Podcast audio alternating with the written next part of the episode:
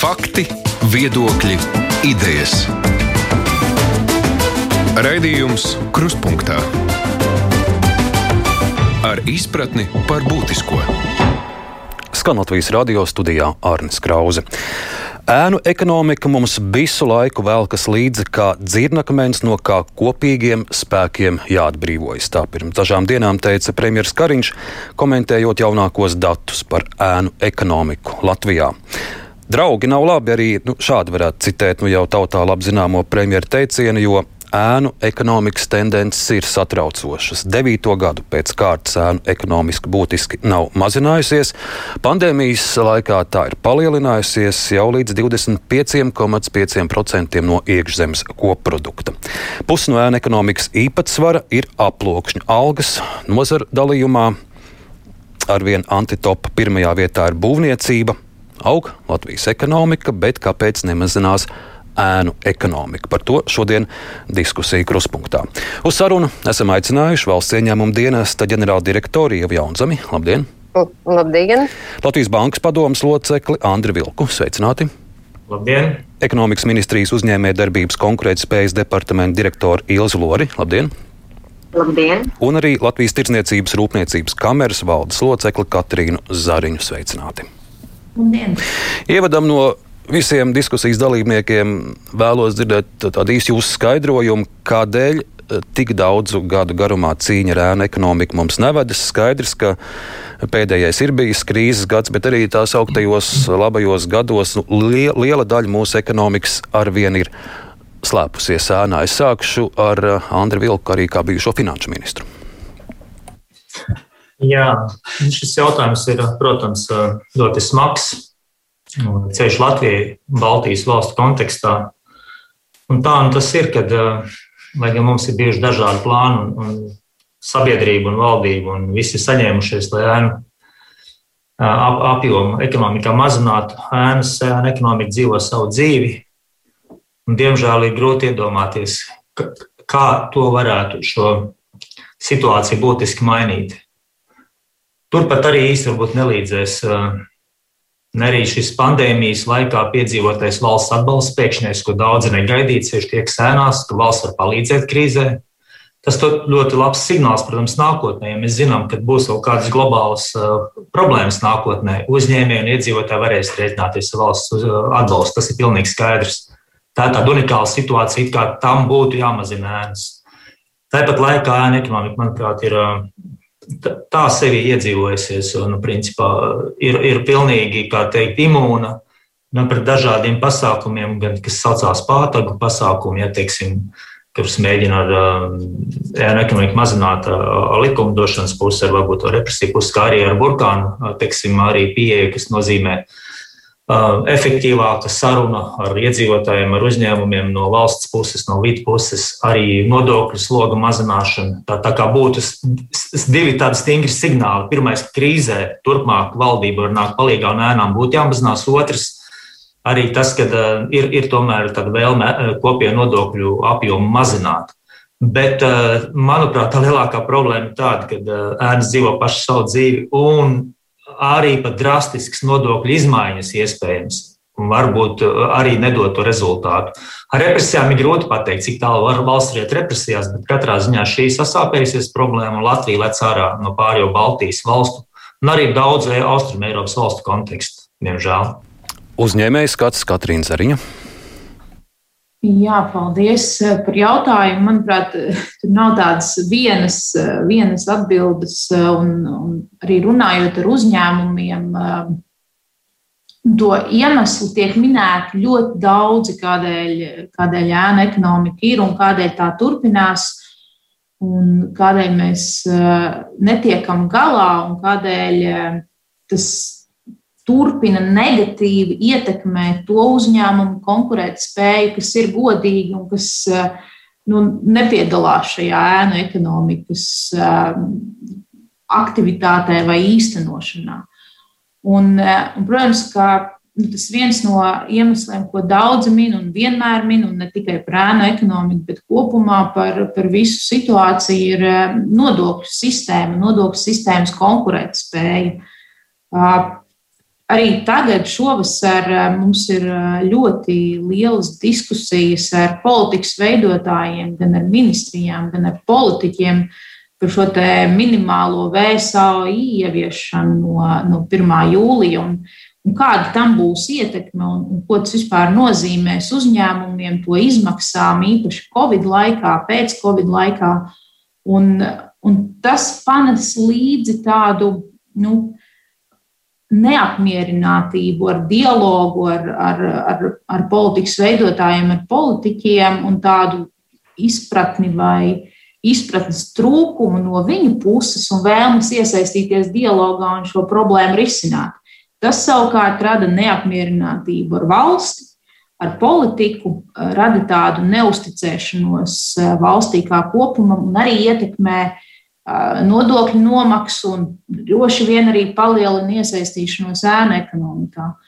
Un vēl viens tāds liels iemesls, ko arī viss vienmēr min, ir tāda, nu, nav tiešas sasaistes vai spējas saprast, ka šie mani nomaksātie nodokļi tiek iztērēti gudri, efektīvi un eh, sniedz eh, man atpakaļ tos labumus, eh, kādus man vajag, gan kā iedzīvotājiem, gan kā uzņēmumam.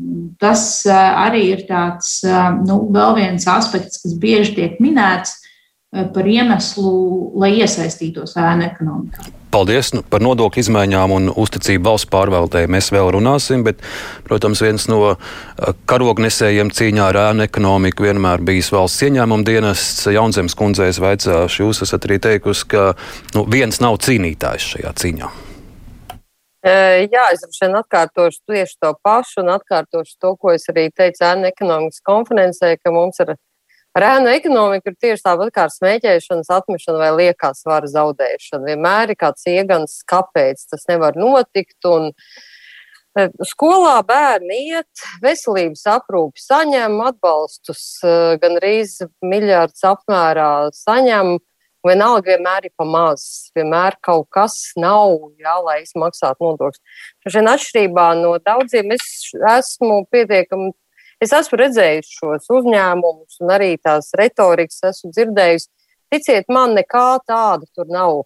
Tad, kad, tad, kad ir tas krimināla process, tad neko tik augstu vairs tur nemīn, kā mēs neticam. Ir vienkārši saimniecisks aprēķins. Kāpēc man darīt tā, ja man ir lētāk darīt šitā? Kāpēc man darbiniekam nodrošināt sociālās garantijas, ja es labāk nopirkšu sev dārgāku mašīnu? Bet uh, bija vēl viens pētījums šodien, varbūt, kas e, neizskanēja tik skaļi, ir arī valsts pētījuma programmā par ēnu ekonomiku. Un tur ir galvenais paradoks, kas ir Austrum Eiropā un Latvijā, proti ir solidaritāte starp, nodo, e, starp darbinieku un darba devēju daudz lielāka nekā starp nodokļu, kā nodokļu administrāciju vai valsti un darbinieku. Kā rezultātā tas augsts saprot, ka nodokļu nemaksāšana īpaši sociālo iemaksu atsaucās uz tavām vecumdienām pretstatā uzņēmēja vārdiem. Nekur jau citādāk nebūs, nekur par tevi nodokļus nemaksās, un tev ir jāsamierinās ar to ir daudz spēcīgāk. Un to teica zinātnieki. Tādēļ es gribētu pateikt vienu, ka tie, kuriem tas ir aktuāli, viņi dzīvo citā dzīvē. Viņš šo raidījumu neklausās, viņiem ir savs, sava Eh, savu dzīvi. Un, eh, ko es saku, vienmēr teikusi arī uzņēmēju organizācijām, kamēr, arī jūsu vidū ir šādi uzņēmēji. Un kamēr jūs ar viņiem pie viena galda sēdēsiet un roku viņiem spiedīsiet, tikmēr arī tā situācija nemainīsies. Tā ir tolerants arī pašu līdz, līdzstrādnieku, viņi ietekmē mūsu konkurētspēju. Nu, sakiet viņiem, jūs tu konkrēti ietekmē mani konkrēti spēju. Es to zinu, jo es zinu, ka tu nemaksā, jo nav jau tā tai pašā jēkapilī. Vai mēs domājam, ka neviens jēkapilī nezināja, ka konkrētajā uzņēmumā strādā daudz desmit cilvēku un saņem aploksņa algas. Nu, nebija tā. Pašvaldība deva pasūtījumu. Visi, tas ir tas stāsts nesen par to lielo aizturēšanu jā, un visu to. Jā, tieši tā, tieši tā. Tāpēc uh, liels būvniecības uzņēmums saņem pakalpojumus cienīts droši vien uzņēmējs domas deputāts gadiem tas noticis. Tad es domāju, ka te ir vairāk mūsu pašu tolerants, jā, ka mēs meklējam tos iemeslus, kā es teicu, kā, kāpēc tas nebūtu. Jo skolās iet visi. Bērnus sūta tajās pašās skolās, ir tie, kas maksā aplūkšņa algas, ir tie, kas maksā pilnās algas. Un vieni maksā, un otri nē. Tāpēc, ka mēs ar viņiem sveicinamies un sakam, jā, labs uzņēmējs, bet tikai nedaudz tieši. Tad man uzreiz arī jāpavaicā, būs Katrīnai Zariņai no Tirzniecības rūpniecības kameras pie jūsu garā galda daudz tur tie nodokļu nemaksātāji sēž. Man grūti pateikt, Ieva droši vien pareizi viņa saka, viņa zina labāk un viņa viņus redz labāk. Un uh, droši vien, ka nu, mēs, protams, kā organizācija esam par godprātīgu nodokļu nomaksu un, un godīgu konkurenci. Un, Garā ziņā pilnīgi ar, ar nodomu un apdomu nevienu nodokļu nemaksātāju pie galda nesēdinam. Bet pareizi Ieva saka, mēs jau viņus arī visus tā nezinām. Ja, dažreiz, dažreiz varbūt kāds zina vai nojauš, un tas ir jautājums eh, par to, arī nu, kā mēs savstarpēji sarunājamies un viens otram pasakām, jā, man ir aizdomas, un vai mēs ejam uh, uz valsts ieņēmumu dienestu, uz korupcijas novēršanas apkarošanas biroju un uz, uz citām, citām iestādēm un sakam, ka tā problēma eksistē, kāda mums ir šī. Te, uh, kā viņi sauc latviešu, pēkšņi aizmirsu šī trauksmes cēlāju kultūra kopumā. Bet apzināti mēs pie galda nodokļu nemaksātājus nesaucam un, un katrā ziņā nedodam viņiem iespēju ietekmēt mūsu teikto un darīto. Paldies, un es arī no ekonomikas ministrijas Ilzē Lorē vaicāšu jūs skats uz līdzinējo cīņu ar ēnu ekonomiku, kā mums tā ir vedusies. Jā, paldies par vārdu. Nu, īstenībā iepriekšējā runātāja jau šobrīd iezīmēja to bildi, kas nenoliedzami apliecina, ka Latvijas izaicinājums ir šī nevienlīdzīgas konkurences mazināšana dēļ šiem ēnu ekonomikas izaicinājumiem. Un, un tā noteikti tirgu kropļo, negatīvi ietekmē visu, tā skaitā nodokļu iekasēšanas sistēmu.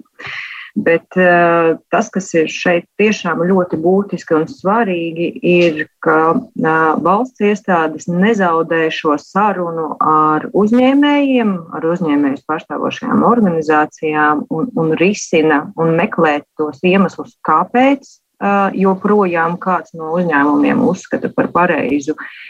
Varbūt neizpildīt līdz galam visus tam uzliktos pienākumus un saistības. Um, tai, tai pašā laikā nu, nevar teikt, ka nu, ir, ir, ir krīze tik ļoti uh, nodarījusi pāri, ka nespētu uzņēmumu saņemties un tomēr iet uz priekšu. No valsts puses mēs esam darījuši tiešām ļoti daudz un reaģējot tieši uz uzņēmumu izai uh, saucieniem par to, ka ir nepieciešams uh, tieši tāds vai citāds atbalsts.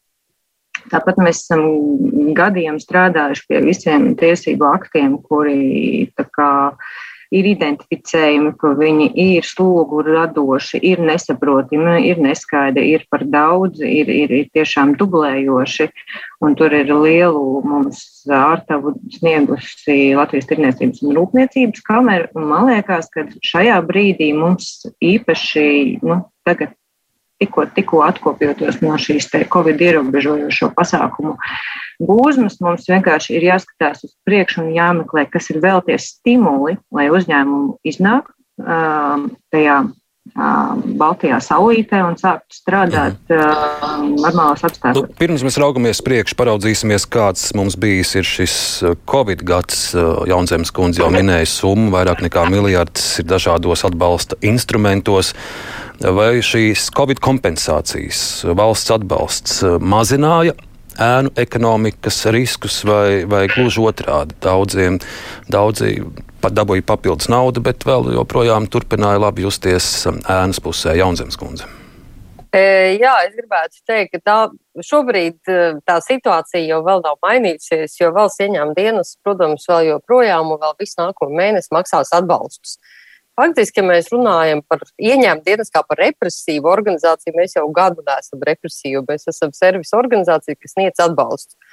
Un eh, es gribētu, es gribu tiešām redzēt, kas notiks rudenī, jo skaidrs, eh, kā mēs visi redzējām, ka plašsaziņas līdzekļos nāca dažādi nozaru pārstāvji un teica, kāpēc tik mazs atbalsts es esmu pelnījis agrāk daudz vairāk.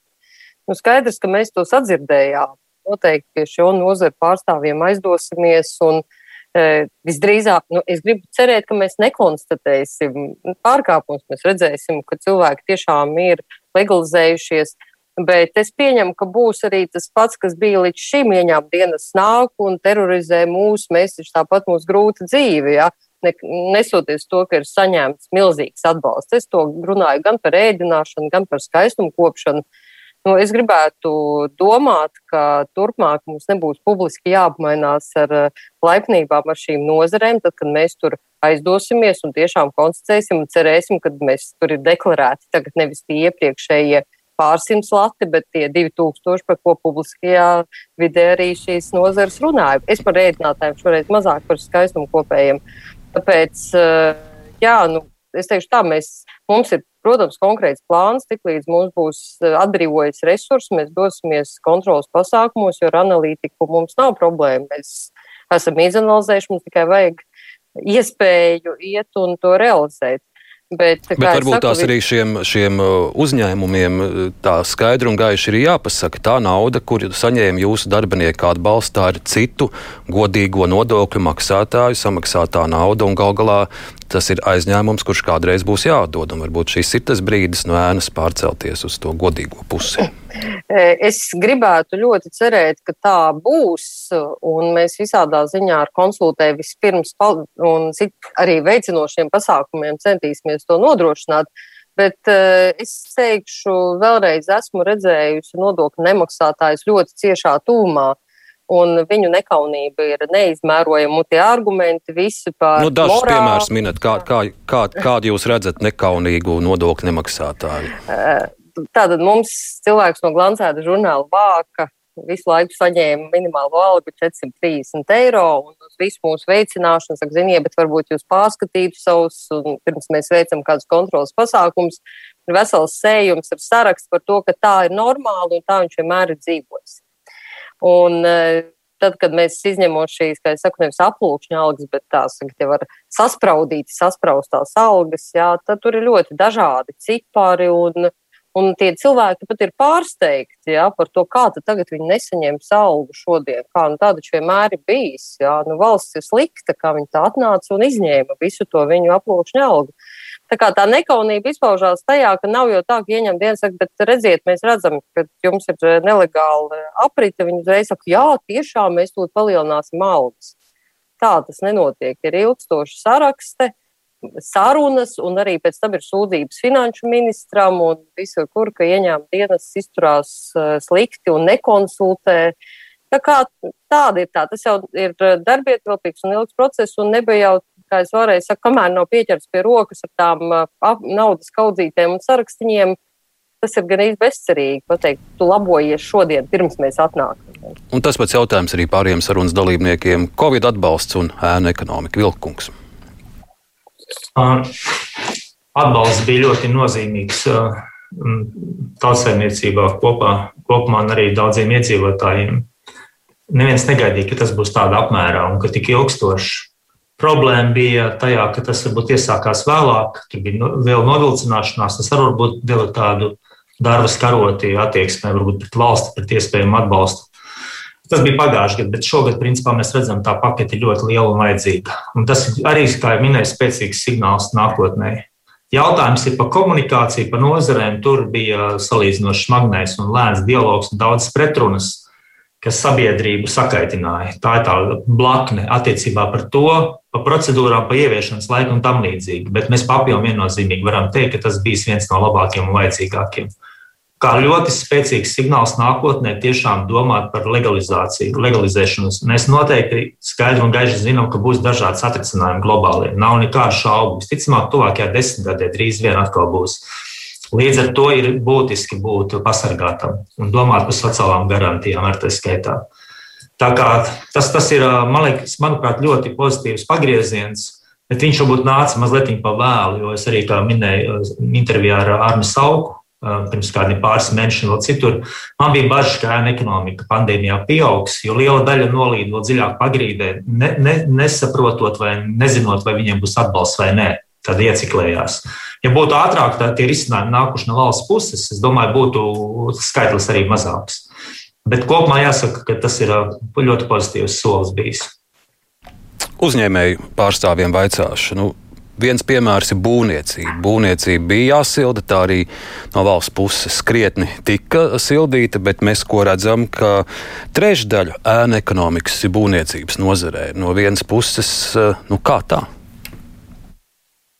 Nu, atbalsts, protams, bija nepieciešams. Bija nepieciešams nu, gan, gan horizontāli būvniecība, droši vien tas ir tāds rūpju bērns gadiem dažādos veidos risināts un tie me, risinājumi meklēt arī, arī saistībā ar, ar ģenerālu vienošanos un minimālās algas noteikšanu nozarē, lai, lai varētu gūt zināmus, zināmus labumus. Un, un tik un tā, ja skatāmies, protams, uz ēnu ekonomikas datiem, tad, tad tā joprojām ir viena no, nu, no nozarēm, kur, kur šī ēna ekonomika ir visizteiktākā.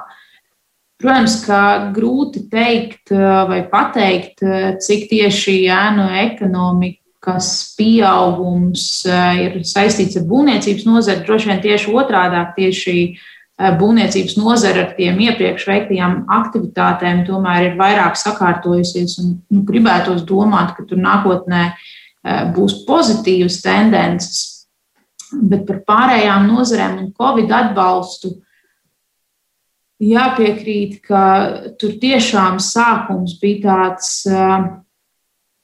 nu, neviennozīmīgs. No sākuma mēs diskutējām par konkrētām nozarēm, pēc tam mēs sapratām, ka vajadzīgs visiem uzņēmumiem, un tas noteikti sākumā daļai no uzņēmumiem radīja neizpratni, kas kā notiks. Un tālāk, jau attīstoties šim atbalstam, pieaugot un paplašinoties, Tur atkal jau mēs saņēmām pārmetumus no daļa, daļas no uzņēmumiem un no nozarēm, ka, ka šeit veidojas situācija, ka uzņēmumi saņem atbalstu, kaut gan viņi ir bijuši ēnu ekonomikā, ka viņu konkurētspēja patiesībā ar šo atbalstu pieaug pret pārējiem, kur ir bijuši godprātīgi. Un tas, protams, tika diskutēts gan par apgrozāmo līdzekļu grantu programmu, gan arī par, piemēram, par darbinieku dīkstāvi. Ja, un šeit pat grūti pateikt, kurš, kurš tur vairāk un kurš mazāk, bet tā diskusija arī mums iekšienē ir bijusi par to, ka persona vienlaikus saņem dīkstāves atbalstu, un vienlaikus strādā kādā citā uzņēmumā vai, vai pie, pie, piehaltūrē kaut kur. Un saņem visu pilnībā nelegāli. Mm. Un tas pats jautājums arī ekonomikas eh, ministrijas pārstāvjiem. Nu, kā, kā godīgāk šo visu nodrošināt, lai, lai tas, kas godīgi ir maksājis, arī, arī cik vien liela valsts var dot atbalstu saņem, un tas, kas ir ēnā, lai viņš arī paliek un sēž savā ēnā? Nu, patiesībā jau jāsaka, ka tieši pēc šī principa arī valsts atbalsta uh, instrumenti tika izstrādāti. Šobrīd runājot tiešām par grantu programmām, trīs dīkstāvu algu subsīdiju un apgrozāmajiem līdzekļiem, tika iestrādāts mehānisms gan um, identificējot, ka tiešām uzņēmums ir Covid krīzes ierobežojošo pasākumu uh, skārts uzņēmums, un tāpēc viņš kvalificējās atbalstam. Tas ir, uh, ir noteikts apgrozījuma vai ieņēmumu kritums. Uh, tāpat tās atbalsts tika sasaistīts ar darbspēku nomaksātajiem nodokļiem un bruto algu, kas, kas liecina par to, vai uzņēmums vispār iepriekš ir veicis kaut kādus maksājumus valstī un, un, un, un, un, un un godprātīgi arī izturās pret saviem darbiniekiem. Šie atbalsti ir mērķēti specifiski pa grupām, zinot, ka uh, ir nozares, kuras varēja strādāt, ir nozares, kuras nevarēja strādāt un nevarēja sniegt pakalpojumus, piemēram, attālināti. Tas viss atbalsta programmās ir mērķēti piedāvāts. Protams, um, sistēmā ir jāatzīst, ka uh, nu, vienmēr būs gadījumi, kas, kas izpruks cauri. Un, un, un tiešām mums arī uz nākotnē mērstajiem atbalsta pasākumiem mums ir jādomā, kā to arvien mazāk izskaust un, un, un, un vairāk koncentrēt uz, uz kurprātīgajiem uzņēmumiem. Bet man liekas, ka ja mēs tā pavērtējam, tad, un, un, un klausoties to, ko arī Jaunzemes kundze teica, tad uzņēmumi šobrīd, ejot šeit atbalsta ka, ja es iepriekš neesmu maksājis nodokļus, tad īstenībā tas, tas granta mehānisms uz mani neatiecās. Es nevaru rēķināties ar to, ka valsts man nāks un atbalstīs grūtā brīdī. Jā, nu par nākotni tad arī paturpināsim. Šodien Rīgā viesojas Eiropas komisijas prezidenta Fonderleina. Mēs zinām, ka nākamajos desmit gados no Eiropas Savienības. Latvijā ieplūdīs vairāk nekā 10 miljardi eiro. Šodienas ziņa bija, ka jau jūlijā Latvija saņems pirmos 230 miljonus. Tā ir visa Eiropas Savienības nodokļu maksātāja nauda. Kā panākt to, ka mēs to apsaimniekojam godprātīgi un, un liels summas no šīs naudas nenonāk ēnu ekonomikā? Kādus jūs redzat lielākos riskus? Jo nu, jau tagad zināms, ka, ka liela nauda būs aptvēlēta būvniecības sektoram, kur, kā mēs redzam, trešdaļa atrodas ēnā Vilkakungs. Jā, nu, ļoti interesants periods priekšā Latvijai visai pārējai Eiropai.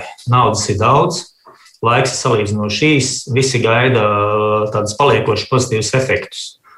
Un, protams, te ir zināmi riski gan nozarēs, gan arī ar pārkaršanu, ar apjomu apgūšanu un tam līdzīgi.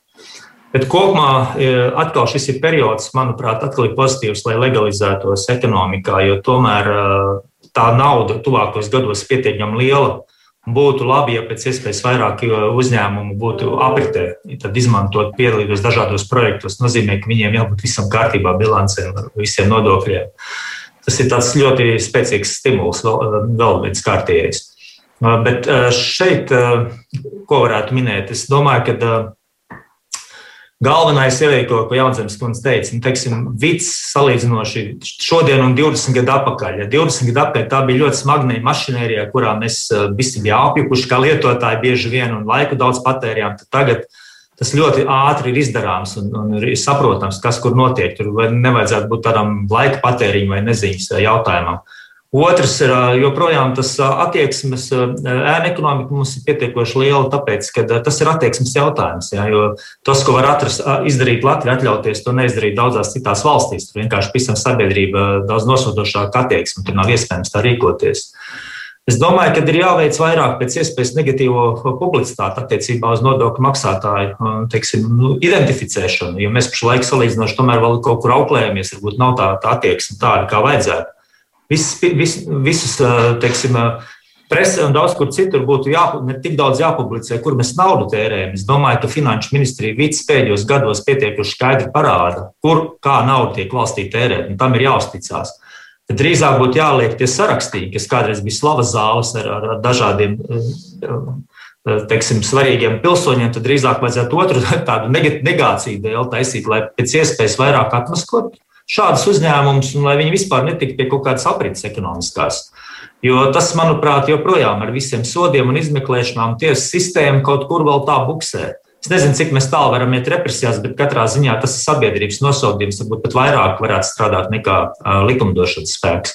Šis ir viens no veidiem, nu, tāds manā skatījumā. Ja? Ne tik daudz skaidrot, bet tiešām uh, nu, tiem cilvēkiem vienkārši saprost, ka viņiem aizvien grūtāk būs eksistēt tādā līmenī un uzņēmumiem, kā viņi līdz šim ir to darījuši. Par Eiropas naudu gaidāmo un cik godprātīgi to apsaimniekot Jaunzemes kundze, nu, viena versija, ka vai kādu kauna stabu te doma laukumā pie radio mājas ēkas vai kā citādi? Jā, par kaunu stabiem. Aplūkšņa alga jau ir tāds dīvains uh, fenomens. Jā, jo, jo jāsaka tā, ka viņi jau pie kaunu staba ir jāpierāda. Jā, un desmit gadus atpakaļ uzņēmēji ielabēja šausmīgi labu normu priekš sevīm ka valsts ieņēmuma dienestam jāpierāda aplūkšņa algas avots. Nu, ko tas nozīmē? Es savā laikā dzirdēju, ka uh, kāds teica, ka, ka aplūkšana alga kriminalizācija uz papīra. Nē, viņa ir reāli kriminalizēta. Jo, principā, lai tu pierādītu, tad tikai nodokļu muitas policija reāli to var izdarīt.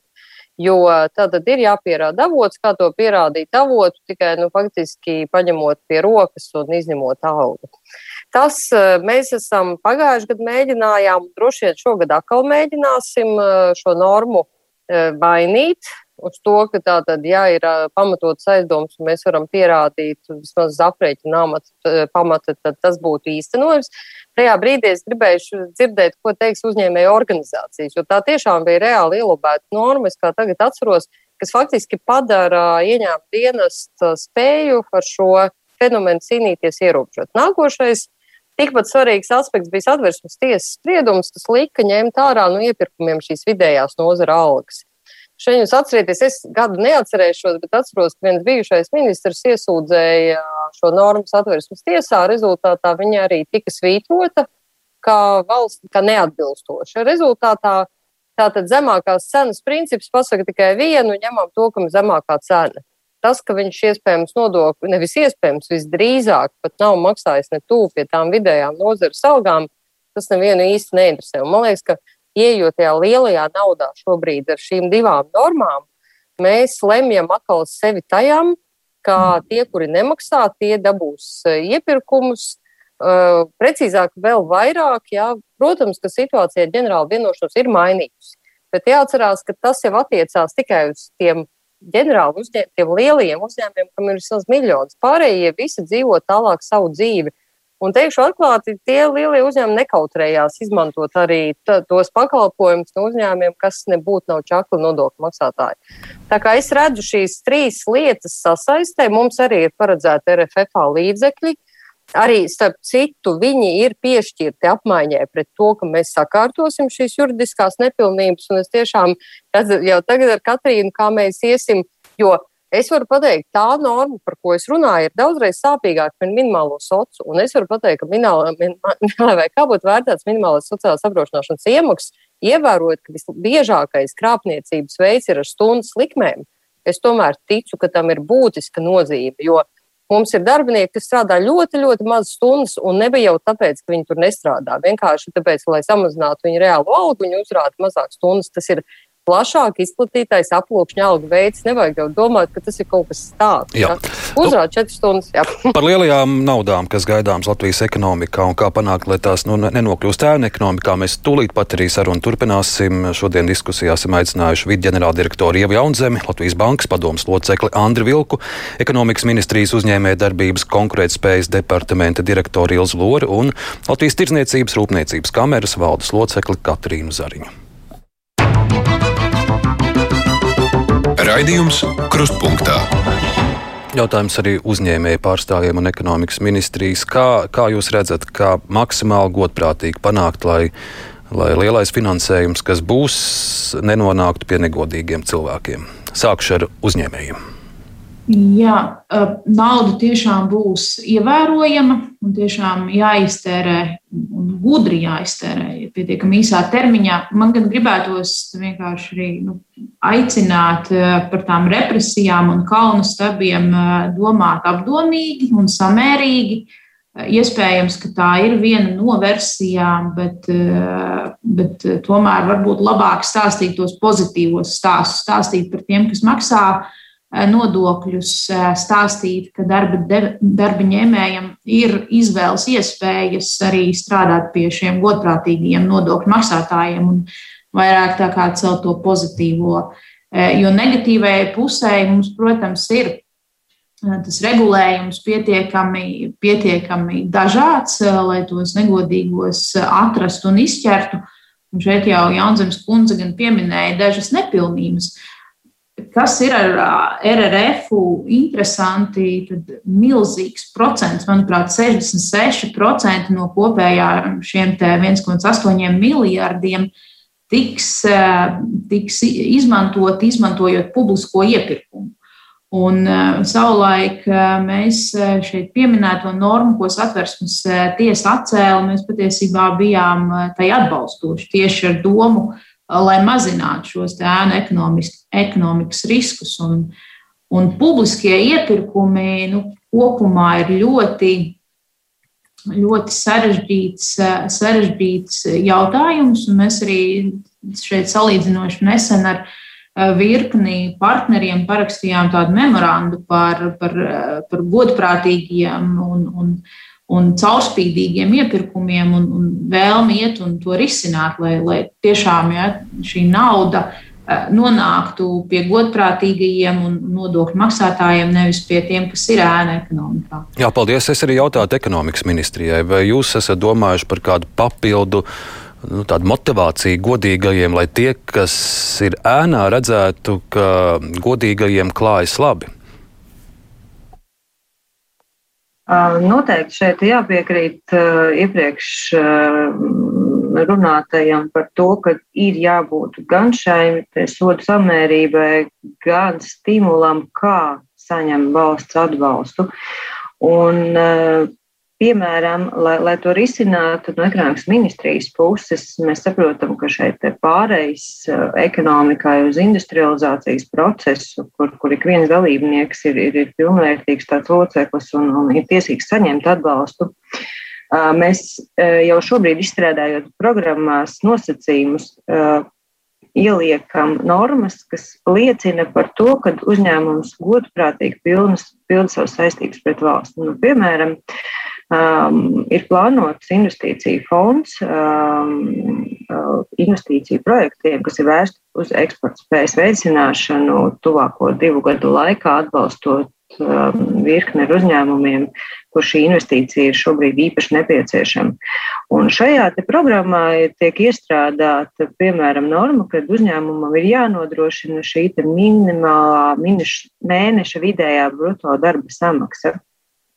Un, uh, un, un, un šobrīd tas, tas piedāvājums ir, piemēram, ka tā, tā ir 1,3 uh, koeficienta apmērā no, no vidējās bruto darba samaksas uh, reģionā, kas rada pietiekami lielu stimulu uzņēmumam konkurēt gan pašam ar sevi, gan ar, ar pārējiem, un saprotot, ka ja šī valsts atbalsta dotācija ir nepieciešama, tad, tad man ir jābūt arī uh, godprātīgam un, jā, nu, un jāinvestē savā uzņēmumā un jāizpild nosacījumi.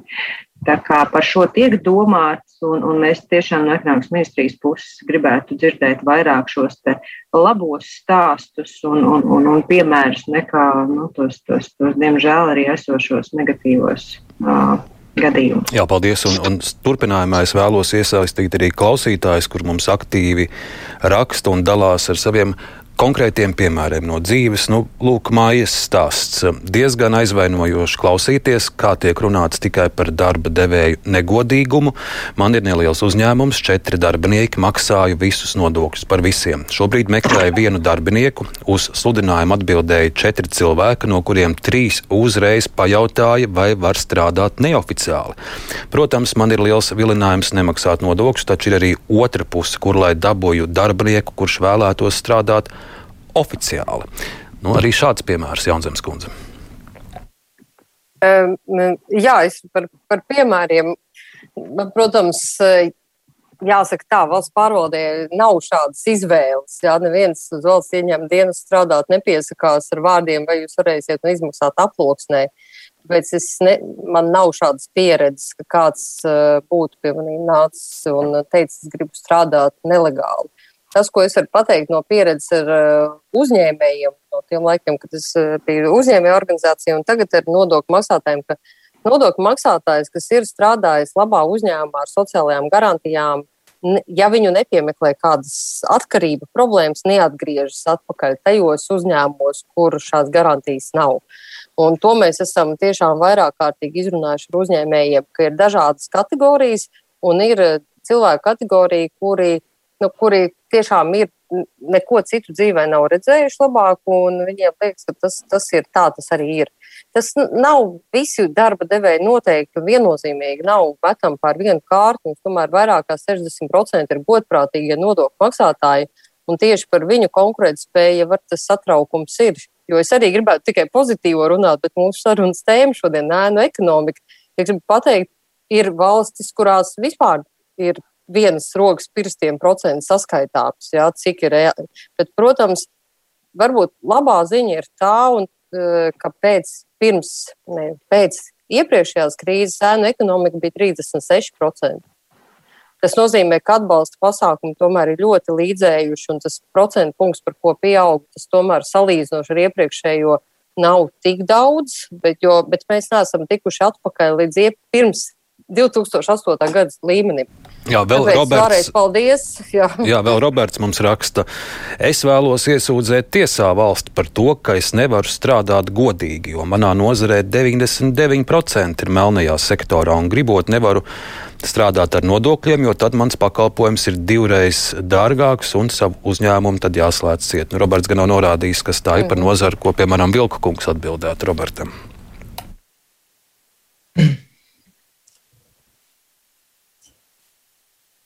Šā, es domāju, ka liela problēma ir atsevišķās pakalpojumu nozarēs. Mm, Teiksim, viesmīlības nozarē tas arī daudzās valstīs, arī pārtikas valstīs. Tur nav viss kārtībā, un arī daudz kur viņas bankas atsakās kreditēt šos uzņēmumus, ja tur nav kārtībā bilances. Um, nav, nav viennozīmīga atbilde šo visu. Tas vienkārši ir tāds. Uh, noskaņojums mūsu ieradumi cilvēkiem. Tur ir gan darba devēja, gan darba ņēmēja pusē. Ja visa nozare rīkojas šādi, tad, protams, kaut ko darīt ir, ir ļoti, ļoti grūti, bet tāpat laikā tas nav neiespējami. Tas ir. Tas, es nedomāju, ka var rīkoties, var arī rīkoties savādāk nekā, nekā tirgū tas ir pieņemts un radīt tos pozitīvos momentus. Tas ir arī, tur var dažādi izmantot arī klientu atziņas, arī publicitāti. Ir iespējams pacelt tos labos piemērus. Tāpat kā mums jādomā arī, kā vairāk vērsties pret sliktiem piemēriem. Tur abi ir svarīgi - labās ziņas un sliktās ziņas. Ja kāda nozare šausmīgi um, sabojāta ar, ar teiksim, ēnu ekonomiku, tas ļoti dominē, tad ir jāmēģina otru. Tikai vienīgais ir no labām ziņām to pacelt ārā. Nu, droši vien arī pašām uzņēmēju organizācijām šīs labās ziņas ir jāskandina. Pagājušajā nedēļā arī es redzēju, bija viens piemērs, kur, piemēram, viesmīlības nozara viesnīcas eh, atbalstos no valsts pērn saņēma aptuveni 100 miljonus, bet nodokļos šī nozara samaksājusi 120 miljonus. Mm, gan, vien, gan viens piemērs, gan otrs būtu jārāda Zariņas kundze. Es pilnībā piekrītu, ka piemēri ir jārāda. Es vienkārši arī uz, uz Roberta, protams, grūti komentēt, nezinot nozari, bet eh, nu, zināmā mērā to ietekmē arī privātpersonu iespējams maksāt spēja. Ja, un kāda ir vispār kopējā ekonomikas attīstība, kāda ir eh, darba samaksa un, un, un kur, mēs, eh, kur, tā, kur tā nauda rodas un vai viņa rodas. Un, un tas būtu droši vien vēl viens virziens, par ko runāt un domāt. Un, un darīt, audzēt to ekonomiku, audzēt uzņēmumu skaitu, labi apmaksātas darba vietas. Un arī tas droši vien nu, to ēnu ekonomiku mazinātu, ja? jo pieaugtu maksātspēja kopējā. Vēl Gustavs mums raksta, runājot par vecumdienām. Cilvēki vienkārši netic tam, ka vecumdienās vispār būs kāda pensija. Pieredze jau rāda, ka mūsu vecāki ir strādājuši vaigas viedros, bet pensija 240 eiro. Kāda man ir garantija, ka pēc 15 gadiem man nebūs tāpat? Un vēl tā nodokļu maksātāja naudas izšķērdēšana dažādos nevajadzīgos projektos. Tas viss nosit, gribu maksāt nodokļus, raksta Gustavs. Ko Vilkungs atbildēs atkal šeit? Attiecībā par valsts līdzekļu izmantošanu, manuprāt, tas, tas ir adekvāts un, un pietiekami daudz skaidrots. Jebkurā valstī, jebkurā pilsētā mēs atradīsim kaut kādus projektus, kas varbūt nav bijuši tik adekvāti tiksim, īstenoti vai vispār korupcija. Par to jāvēršās maksimāli bargi. Bet Latvija noteikti nav valsts, kuru varētu apsūdzēt, ka mēs nezinām, kā mēs savu naudu tērējam vai pareizie virzieni. Mums, ir, mums tas ir pietiekami caurspīdīgs. Tas, tur nevajag meklēt iemeslus. Es, es arī esmu padzīvojis vairākās ārvalstīs, un es esmu strādājis. Tur sabiedrībai nav jautājums. Nav jautājums, neesmu nekad saskaries, kur mana valsts tērē naudu. Vai kāpēc valstsiem dienas tur tā un šitā? Tādi jautājumi nav, tur visi saprot. Cilvēkam vienkārši jāsaprot, ka viņš viens pats nav indivīds. Mēs dzīvojam kopienā. Ja, kādam, ja kāds vairāk nomaksās nodokli vai labāk klājas, viņam jāpriecājas, ka arī citam tas tiks un ka arī valstī būs labāk tas sautīgums tomēr mums rādās iekšā, un tas pagātnes arī attiecīgi tāds mantojums. Bet šis jautājums principā nav aktuāls. Sabiedrība saprot, ka tā nauda tiek adekvāti tērēta. Ja ir kādi gadījumi, par to ir skaļi jārunā, un ātrāk pēc iespējas ir jātiesā tie cilvēki, nevis jālo garumā tiesas procesā, kā mēs Latvijā redzam. Bet attiecībā uz pensiju sistēmu tas jautājums ir Mēs iepriekš transformējamies no pavisam citas padomu sistēmas. Tur ir jāsaprot, ka mēs gājām cauri gan naudas reformai, gan arī pensiju naudu, kas it kā bija uzkrāta viņa padomu senības kopējā katlā. Tas ir pilnīgi cits jautājums. Tagad tas pensiju līmenis, viņš aug un pieaug, un mēs redzam, kā tā nauda otrā, trešā līmenī tiek tiek teiksim, arī izmantota, investēta, respektīvi, tur var pasakot līdzi, un, un tam ir jātic. Tāpat laikā nu, nevar vienkārši domāt, ka tas nu, kaut kādā veidā uz mani neatiecās. Vairāk ir jāuzticās. Tā mēs viens otru sadarbojamies. Mēs negribam viens otru apčakarēt, arī valsts negrib apčakarēt. Sliktie gadījumi parādās ik pa laikam, diemžēl, jebkurā valstī, arī caurspīdīgajās valstīs, bet tie krietni daudz mazum, krietni mazāk nekā tās visas kopējās lietas, kas mums ir jādara. Jā, paldies. Nu, Eģis raksta, ka klausoties raidījumu, viņš uzskata, ka visu raidījumu varētu aizstāt ar vienu frāzi, kamēr par nodokļu nemaksāšanu izvairīšanos nesēdinās reāli cietumā uz desmit gadiem, nekādas izaugsmas un labklājības mums neredzēt. Un otrs, vidi visās normālās attīstītās valstīs ir represīva iestāde, nevis konsultējoša Jaunzemes kundze. Nu, redziet, kā teikt, mums ir es klausos laiku to raidījumu, saprotu, tātad no vienas puses, eh, ko kolēģis saka, no vienas puses mēs, eh, jā, mēs esam par to, ka visiem ir jābūt godīgiem un vajag, eh, vajag visu tā arī vērtēt un vajag konsultēt un veicināt. Ja pašā laikā vidam jābūt represīvai iestādēji. Es varu pateikt, es principā nācu vadīt represīvu iestādi, tā godīgi jāsaka, trīs gadus atpakaļ, jo man tiešām šis pēc, pēc tam man uh, finanšu ministrijā un finanšu ministrs, ka nē, ka mums ir jābūt konsultīviem, pretīm nākošiem. Manuprāt, es esmu atradusi zelta vidusceļu starp abām pusēm. Proti, tā tad uh, uh, netika represīvu, tā pašā laikā uz konsultāciju vērstu, bet tur, kur ir vērojami šie pārkāpumi, tur tomēr arī skaidri un nepārprotami seko uh, rezultāts. To mēs arī redzam no nodokļu muitas uh, policijas darba. Tāpēc es gribētu teikt, to, ka ir jābūt veseliem saprātam. Vienīgais ir tas, ka es vēlreiz varētu, gribētu aicināt nodokļu maksātājus tomēr noticēt tam, ko mani kolēģi jums saka. Ja mani kolēģi jums saka, ka mūsu rīcībā ir nepārprotami pierādījumi tam, ka jūs maksājat aplūkšņu algas, tad būtu vēlams jau pirms tam koriģēt savu uzvedību, nevis gaidīt, kamēr notiks represīvie pasākumi. Tāda ir mūsu darba metode šobrīd. Tāpēc es saku, manā ieskatā ir izdevies e, radīt tādu līdzsvaru. Problēma tā, ka mēs jau gandrīz gadu netiekam pie, ne pie viena, ne pie otra, jo mēs esam servisa organizācija, kas maksājam atbalstus. Es varu apsolīt, ka mēs turpināsim tieši šādu e, garāku Mēs centīsimies sākotnēji pārliecināt, bet, ja uzņēmējs nav pārliecināms, tad būs šī represīvā funkcija. Bet mēs ļoti ceram, ka uzņēmēji ar vien vairāk mums noticēs, un mums nebūs viņi jāliek cietumā uz daudziem gadiem, ka viņi koriģēs savu uzvedību.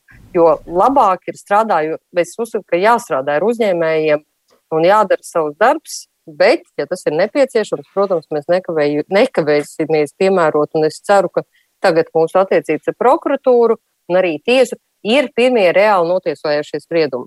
Jā, viņi ir. Tā kā es domāju, ka tas ir tikai laika jautājums, ka, ka tas mums izdosies, bet tas nav pašmērķis. Jā, īsi vēl viens sarunas temats ir eh, nodokļu un ēna ekonomika. Ainārs mums atgādina, ka vai mēs vēl atceramies, ka PVN Latvijā bija 18% un to pacēla, lai pildītu budžetu iepriekšējā krīzē. Zemāka nodokļu likme samazinātu ēnu ekonomiku un audzētu ekonomiku Latvijā. Mēs arī zinām, ka par darba spēku nodokļiem esam dārgākie Baltijā un Ziemeļvalstīs. Uh, uzņēmēju organizācijas brīdina, ka šī jaunākā izmaiņas par obligāto sociālo iemaksu ieviešanu no 1. jūlija tikai veicinās ēnu ekonomiku. Zariņas kundze turpinot šo.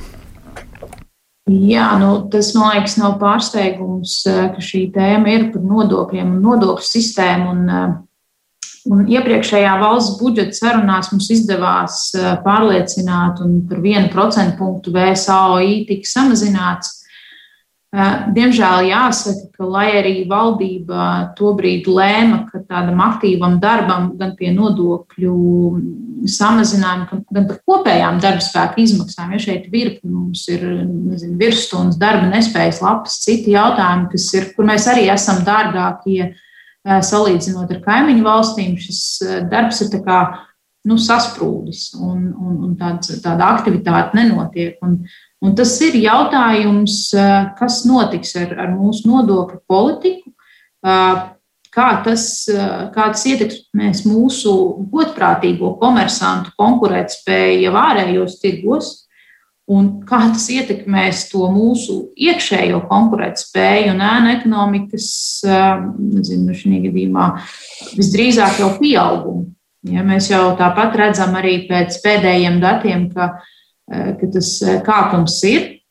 Un tur var būt arī viens no iemesliem, ka zināma neusticība, neizpratne par to, kā šis minimālais VSAOI darbosies un kā tas ietekmēs uzņēmumus, ka tā jau ir kaut kāda tāda priekšlaicīga reakcija uz to visu no uzņēmēju puses. Paldies! Vai par nodokļiem arī vēl no sarunas dalībniekiem, kas piepilstams? Jā, es domāju, manuprāt, ir jēna ekonomiku diezgan vai mazinātu pat diezgan būtisks nodokļu sloga samazinājums. Jo tie, kas izvairās un maksā aploksņa algas, vai viņiem sociālās iemaksas tur ir 35 vai 30% uz 5, es domāju, neko diez vai mainīs. Vai jēns. Bet tas ir jā, ļoti svarīgs Latvijas konkurētspējai un tiem, tiem, nodo, tiem uzņēmumiem, kas maksā nodokļus. Par tiem ir jādomā primāri. Un šeit ir jābūt, jā, ja var, ir iespējams to jādara pēc iespējas lielākā amplitūdā. Ja nodokļi tiek mainīti, tad lielāku, teiksim, lielāku apjomu, jo mēs no Latvijas bankas puses arī esam likuši priekšā, ja ir iespējams sociālās iemaksas obligātās būtu jāmazina pat par 4%. Nevis pusprocentiņš vai procents, bet 4 kaut kā apmēram tādos soļos, reizi četros gados. Tas palīdzēs legālai ekonomikai. Diezinu, vai tas palīdzēs ēnām, bet tas ir svarīgs signāls. Tas pats arī pie ēnu, par ko runā. Ēnas, saku, manuprāt, viņas dzīvo savu dzīvi, ir ļoti grūti viņas izkustināt pat ar nodokļu izmaiņām. Nu, vienīgais vilkums, tad, kad jūs, jā, pats bijāt, tad, kad jūs pats bijāt finanšu ministrs, diez vai tad jūs sēžot tajā krēslā piekristu tādā tik būtiski samazināt nodokļus. Mums bija tajā brīdī, bija pilnīgi Latvija bija bankrota priekšā, mums bija ļoti katastrofāla situācija. Latvijas reputācija bija totāli sagrauta. Mēs, mums nebija gandrīz draugu. Uz to brīdi mums bija ārkārtēja situācija. Un tas nebija iespējams. Tagad tā situācija krietni savādāk raugoties uz priekšu un paredzot, pa kādām likmēm Latvija ir aizņemties turpmāk naudu un kādas naudas plūsmas ienāks Latvijas ekonomikā. Pavisam cits situācija. Paldies. Un vēl klausītājs ieraksta, ka kamēr netiks sakārtot sistēma, ka normāli reģistrēties par saimnieciskās darbības veicēju, arī korupcija plauks un zels. Kad pats gribēja reģistrēties par saimnieciskās darbības veicēju, konsultatīvajā tālrunī man nespēja izskaidrot, kā to darīt. Internetā vidlapā pieejama informācija novecojusi, par nodokļu nomaksu arī nav nekādas skaidrības. Šo ir jāsakārto, mudina klausītājs Jaunzemes kundze. Es gribētu teikt, ka gribētos ar šo personu parunāt personīgi, jo, manuprāt, ka pēdējā pusgada laikā, ja skatos visus kopā webinārus un visu to, kas mūsu mājaslapā ir, un kopā ir 65 tūkstoši skatījumu un desmitiem tūkstoši reģistrētu saimnieciskās darbības veicēju, te es arī gribētu atsaukties Vilkungu. E, es esmu redzējis arī citās, vēl vienkāršāk kā Latvijā reģistrēt gan uzņēmumu, gan saimniecisko darbību. Laikam reti kurā valstī. Tāpēc es domāju, ja ir vēlme un darīšana, tad uh, lūdzu tas ir. Un konsultīvais tārunis, manuprāt, pusgadu neko citu nav darījis, kā skaidrojis un skaidrojis un skaidrojis. Un man jāsaka, ka arī panākumi ir labi. Uzņēmumus ir pārģistrējuši, gan no mūlē ir pārgājuši uz vispārējo režīmu un uh, aktivitāte ir pietiekami liela. Bet, paldies! Ja grib, paldies man ir jābeidz ar vēl vienu klausītāju atgādinājumu, kurš raksta, ka lielākos simts nodokļu parādnieku parāds valsts budžetam uz 1. māju ir 295 miljoni. Paldies sarunas dalībniekiem Ievai Jaunzemei, Andriem Vilkam. Ilzai Lorei un Katrīnai Zariņai. Klausītāji, brīvais mikrofons atvedās uz visu garo svētku laiku. Jā, jums, lai jums jaukas līgo brīvdienas un tiekamies pēc svētkiem. Tagad jaunākās ziņas.